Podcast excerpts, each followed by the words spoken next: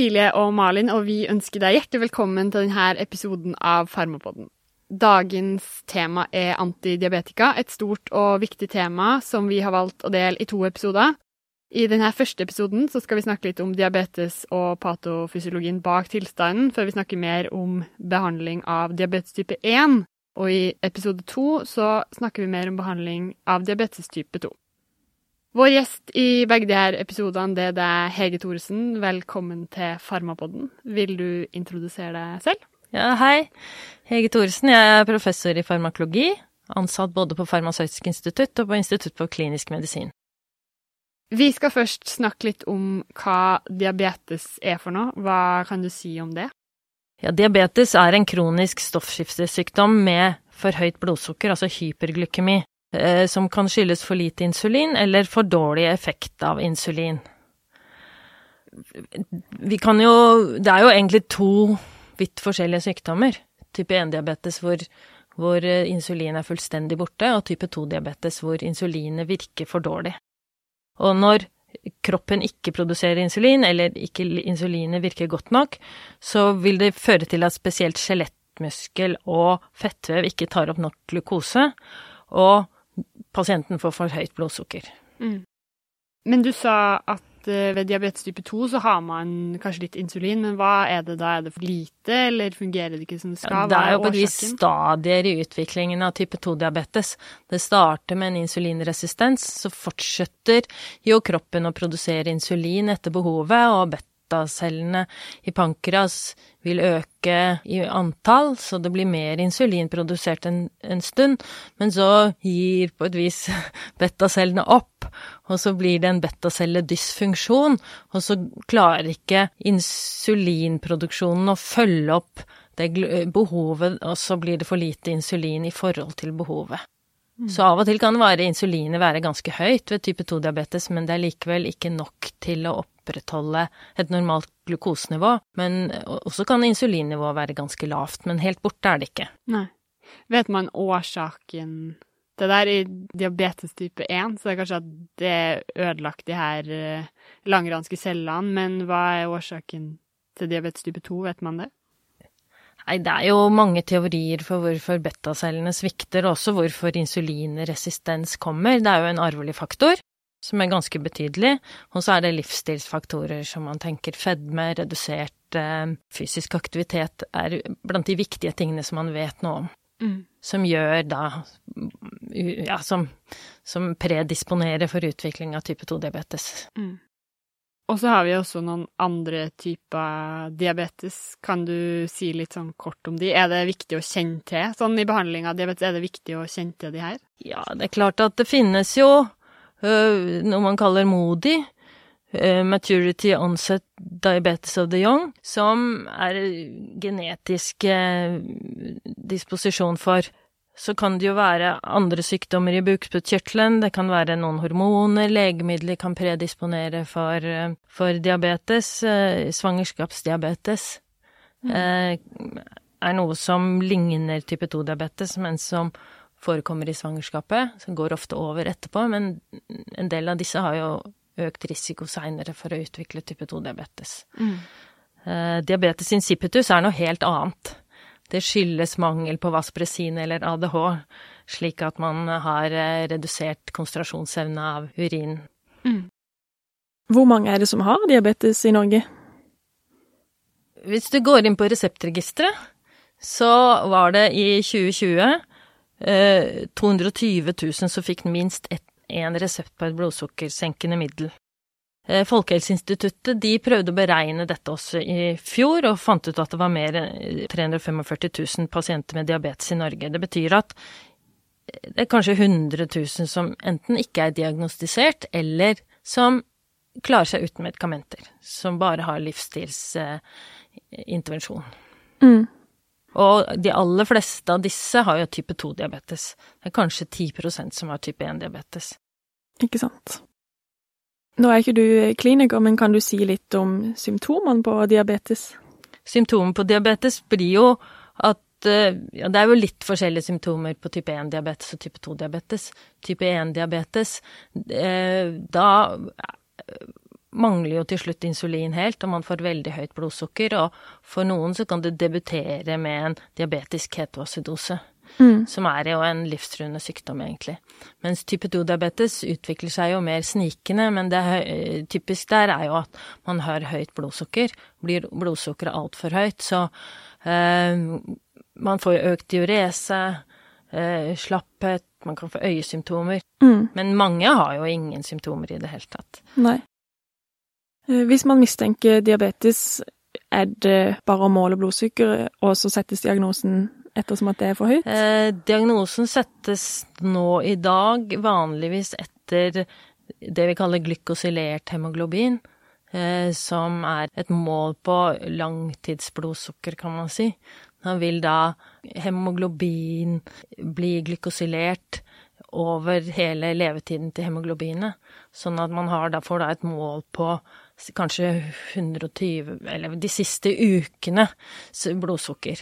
Så man har funnet ut at det er en bedre måte å diagnostisere diabetes på, ved å måle HbA1c. Men det er jo noen ganger man ikke kan bruke det hvis ikke eh, erytrocyttene har normal levetid, eller diabetes utvikles veldig raskt, så vil ikke HbA1c være egnet.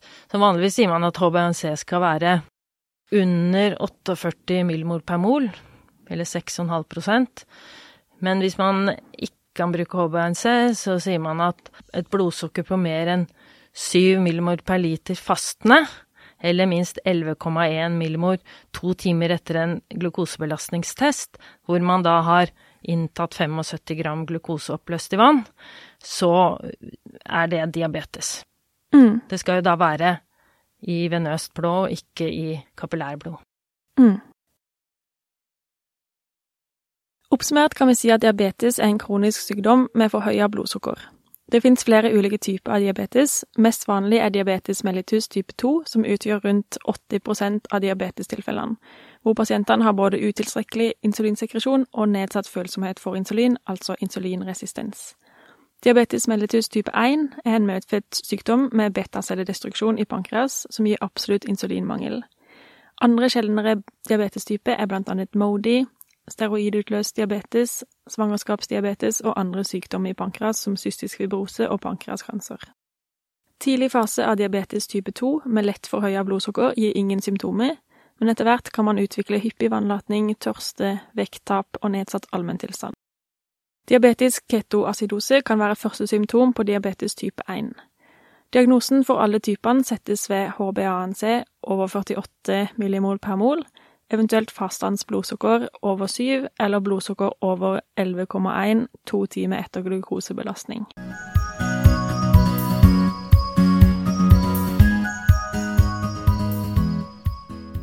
Vi går litt videre til behandling, da. Eh, hvorfor er det egentlig viktig å behandle sukkersyke eller diabetes? Ja, det er jo en, eh, en metabolsykdom. Både kan blodsukkeret i seg selv, høyt glukose, gir skader. Og ved type 1-diabetes så vil det være mange andre metabolske, f.eks. den diabetiske ketosedosen som kan være livstruende.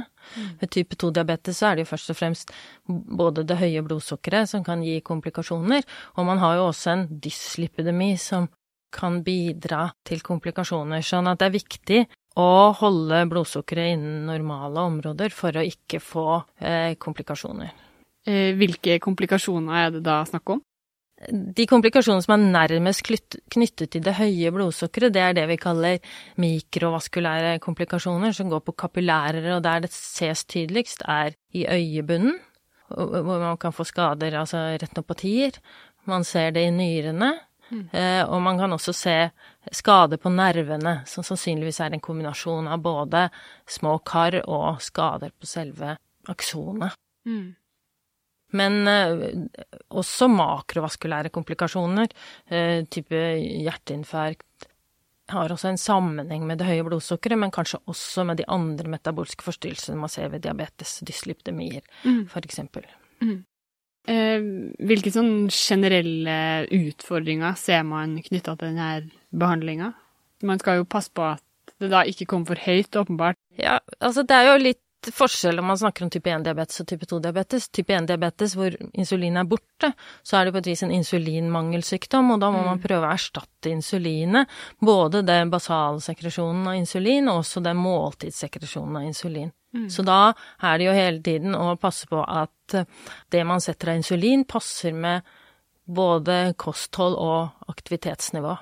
Nå har man i dag fått mye gode tekniske hjelpemidler som gjør det litt lettere å være diabetiker enn tidligere. For eksempel er det mange som har en kontinuerlig vevsglukosemåler, som da gir alarm hvis blodsukkeret blir for høyt eller for lavt, og også hjelper til med å regne ut hvor mye insulin man bør sette i forhold til hva man har spist. Mm. Mens type 2-diabetes så er det jo selvfølgelig også å holde blodsukkeret innenfor visse grenser, men der de fleste legemidlene vi bruker ved type 2-diabetes, gir ikke i samme grad som insulin lavt blodsukker, så man har ikke nødvendigvis den samme problemet med å hindre at blodsukkeret blir for lavt. Men også der gjelder det selvfølgelig å holde blodsukkeret innen en viss nivå, da. Mm. Ikke sant. Eh, Men hvis vi går over til type 1, da, diabetes type 1, så de har jo bortfall av insulin, så da er behandlinga kanskje insulin, da. Behandlingen er insulin. Mm. Eh, Er alle insulinpreparater like, eller er det noen forskjeller på de? Det er forskjellige insulinpreparater. Eh, I dag så har man jo rekombinant humant insulin, som enten kan være hurtigvirkende, eller man kan kombinere med et eh, protein, protamin, som gjør at de kompleksene som dannes subkutant, da diffunderer insulin litt langsommere fra disse, så man har en lengre virketid på insulinet. Men det som er kommet i løpet av de siste årene, er også analoger av insulin, hvor man har byttet ut en aminosyre eller to, og noen har fått en fettsyre hengt på seg. Og det som er annerledes ved analogene, er at de har en annen kinetikk. Effekten på reseptor og den blodglukosesenkende effekten er lik, men det er kinetikken som er forskjellig, og da har vi fått analoger som virker mye raskere enn vanlig oppløst insulin, og vi har fått analoger som, som har en veldig mye mer langsom virkningsprofil, som kanskje kan virke et døgn eller lenger enn det, som i større grad erstatter den basalsekresjonen av insulin vi har, og så har vi de hurtigvirkende som erstatter måltidsinsulinet. Mm. Når er det man bruker de forskjellige? Man setter gjerne langsomtvirkende insulin kanskje én gang om dagen for å erstatte eh, da, ja, den basale insulinsekresjonen, og så setter man hurtigvirkende insulin i forbindelse med måltider. Bruker man alltid begge deler? Det er jo noen som har en insulinpumpe, og da er det bare hurtigvirkende insulin. Da gir jo den en konstant insulininfusjon som erstatter det på et vis langsomtvirkende insulinet, og så vil pasienten selv gi beskjed om å sette mer i forbindelse med måltider. Så hvis man har en pumpe, så har man bare hurtigvirkende insulin. Ja. Og så er det noen type 2-diabetikere som vi skal snakke om seinere, som også bruker insulin, og de bruker vanligvis langtidsvirkende insulin. Mm. Hva er det som gjør at noen bruker pumpe, mens noen bruker insulinpenn, og hvorfor kan det ikke tas som tablett, for eksempel? Jeg tror i dag så kan alle som ønsker det, få lov å prøve pumpe. Det har tidligere vært restriksjoner på det, bare de som har veldig svingende blodsukker, og som har hyppige følinger og vanskelig regulert diabetes. Men i dag tror jeg alle kan få lov å prøve det. Men det er nok en størst fordel for de som har en dårlig regulert diabetes, å bruke en pumpe. Mm. Så det er jo litt opp til pasienten selv, faktisk. Mm. Eh, og insulin er jo et protein, så det er eh, vanligvis nødvendig å sette det subkutant. Legemiddelfirmaene har forsøkt med noen orale formuleringer, faktisk. Det vil jo være veldig lav biotilgjengelighet av dette. Og det har også vært inhalerbart insulin, uten at dette har vært noe stor suksess. Og det har jo vært problemer med det, sånn at det gjør at de aller fleste nå, eller alle nå i Norge, setter jo dette subkutant. Det er klart, I noen situasjoner så gir man intravenøst på sykehus og sånn, men det er vel ikke det vi snakker om her. Mm. Eh, Vi har hørt litt om at avhengig av hvor på kroppen man setter insulinet, så påvirker det hvor raskt effekt man får av det. Ja, det er litt forskjellig hvor på kroppen man setter det. Det raskest fra øvre del av abdomen, litt langsommere fra armer og bein og nedre del av abdomen. Men det vil selvfølgelig variere. Det varierer ganske mye fra gang til gang, og det vil variere avhengig av aktivitetsnivå, temperatur, sånne ting, som gjør at det, faktisk ikke er akkurat samme effekt hver gang man setter insulin. Dessverre. Men hva er grunnen til at det virker saktere hvis du setter på beina? Det er jo like langt å diffundere inn til blodåra, tenker ja, jeg da. Det må jo gå på sånne ting som, eh, som eh, vaskularisering, altså blodgjennomstrømning i de forskjellige, i de forskjellige vevene. Ja. Mm. Tror jeg. Ja. Alt kan man kanskje ikke vite helt sånn svaret på heller. Um, vi var jo litt inne på det, da, men uh, hvilke bivirkninger eh, er det risiko å få ved bruk av insulinpreparatet? Ja, det er eh, veldig mange som har type 1-diabetes, har jo hatt en katabol tilstand før diagnosen settes, så de mm. har mistet vekt, så man vil gå opp i vekt. Og så er det jo sånn at særlig hvis man har hyppige følinger og spiser da, så vil jo man kanskje spise opp i vekt. Altså vektøkning er et problem mm. uh, ved insulinpreparater. Mm. Uh, I tillegg så er det selvfølgelig et stort problem hvis man setter for mye insulin i forhold til hva man spiser, sånn at blodsukkeret blir for lavt. Mm. Så man får altså føling, som er de som vi kaller de symptomene som som pasienten selv kan håndtere. Mm. Blodsukkeret blir litt lavere. Pasienten får mye sånne sympatikusaktiveringssymptomer mm. med skjelvinger, hjertebank. Eh, de føler seg jo sultne, litt stressa, noen får litt endret personlighet. Eh, men hvis blodsukkeret blir altfor lavt, så får jo hjernen for lite energi, så kan mm. man gå i koma, og det kan jo være en livstruende tilstand. Da må man da få hjelp av pårørende eller helsepersonell for å mm. for å få opp blodsukkeret. Er det da man skal ha honning i lomma? Man kan ha honning det finnes, glukagon er jo et mothormon til insulin, så det finnes både nesespray og preparater man kan sette subkutant for mm. å frigjøre da eh, glukose fra lever, sånn mm. at uh, pasienten våkner opp igjen. Så det er jo en del pasienter som har det hjemme, så pårørende kan hjelpe til med å sette det. Ja. Og selvfølgelig kan man uh, smøre munnen med honning, men jeg ville jo vært litt forsiktig med å putte for mye i munnen på en bevisstløs pasient. Mm. Mm. Absolutt. Da ville jeg kanskje heller ringt 113. ja, ikke sant. Men det er i hvert fall da viktig å huske på eh, blodsukkeret hvis man ja. har uh, litt sånn cerebral påvirkning også, ikke ja. bare slag ja, og Ja, absolutt. Og det kan jo hende at pasienten selv ikke helt syns at dette er noe å bry seg om. Ja, så man, som venn eller pårørende så må man si at vær så snill, drikk dette. Ja, ikke sant. Men er det farlig med følinger, sånn sett bortsett fra at du kan jo dø av det hvis det blir for lavt sukker? At hjernen Nei, det blir jo farlig hvis blodsukkeret blir for lavt, ja. men vanligvis så tenker man ikke at det blir noen skader av vanlige følinger. Nei, men hvis du har veldig hyppige følinger? Altså Problemet da er jo at du ofte også har for høyt blodsukker, fordi at du spiser da når du har følinger, ikke sant, så blir det veldig vanskelig å regulere. Så mm. blir det veldig svingende blodsukker. Men ellers er det jo bra å ha et blodsukker som er jevnt lavt, men ikke så lavt at man får følinger. Nei. Altså lavt mener jeg med mener jeg det normalt, da. Sånn ja. som normale Altså ikke-diabetikere har. Vi lærte noe om at hvis man har veldig hyppige følinger, så kan man på en måte etter hvert miste de adrenerge varslingssymptomene, sånn at man på en måte går rett i koma. Men er kanskje det er bare en myte? Det kan vel hende at noen slutter å bry seg om dem, men om det skjer ja. noe slags sånn desensitivitering eller Jeg vet ikke det. Jeg vet ikke det. Jeg tror Nei. mer at det er litt sånn personlighetstype. Noen bryr seg ikke så mye om disse symptomene. Noen kjenner ikke så godt etter. Ikke sant. Så derfor er det jo lurt med en sånn kontinuerlig eh, vevsglukosesensor som piper, faktisk.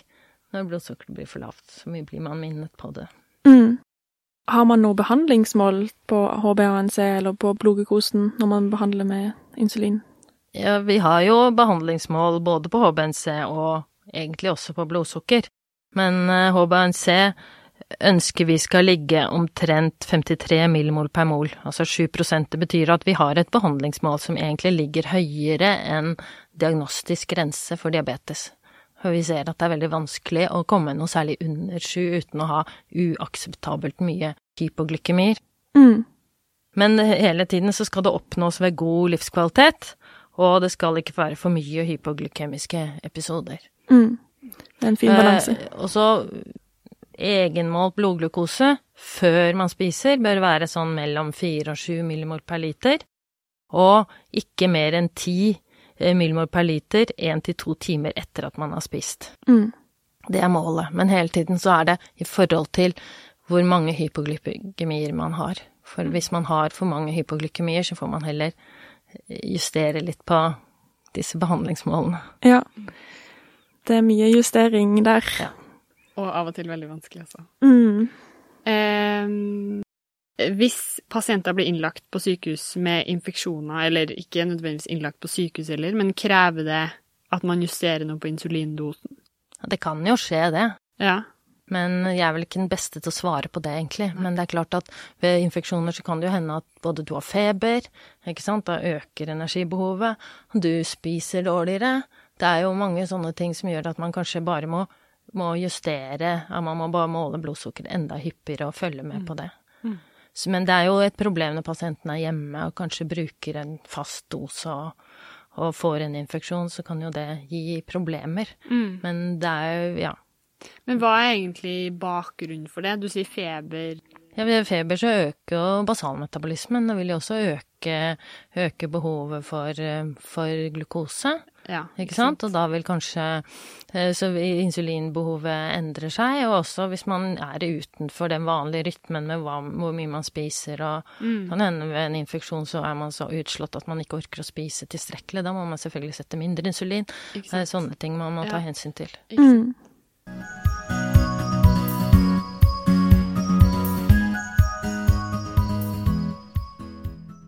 Da er det tid for å oppsummere eh, diabetes type 1, Cecilie.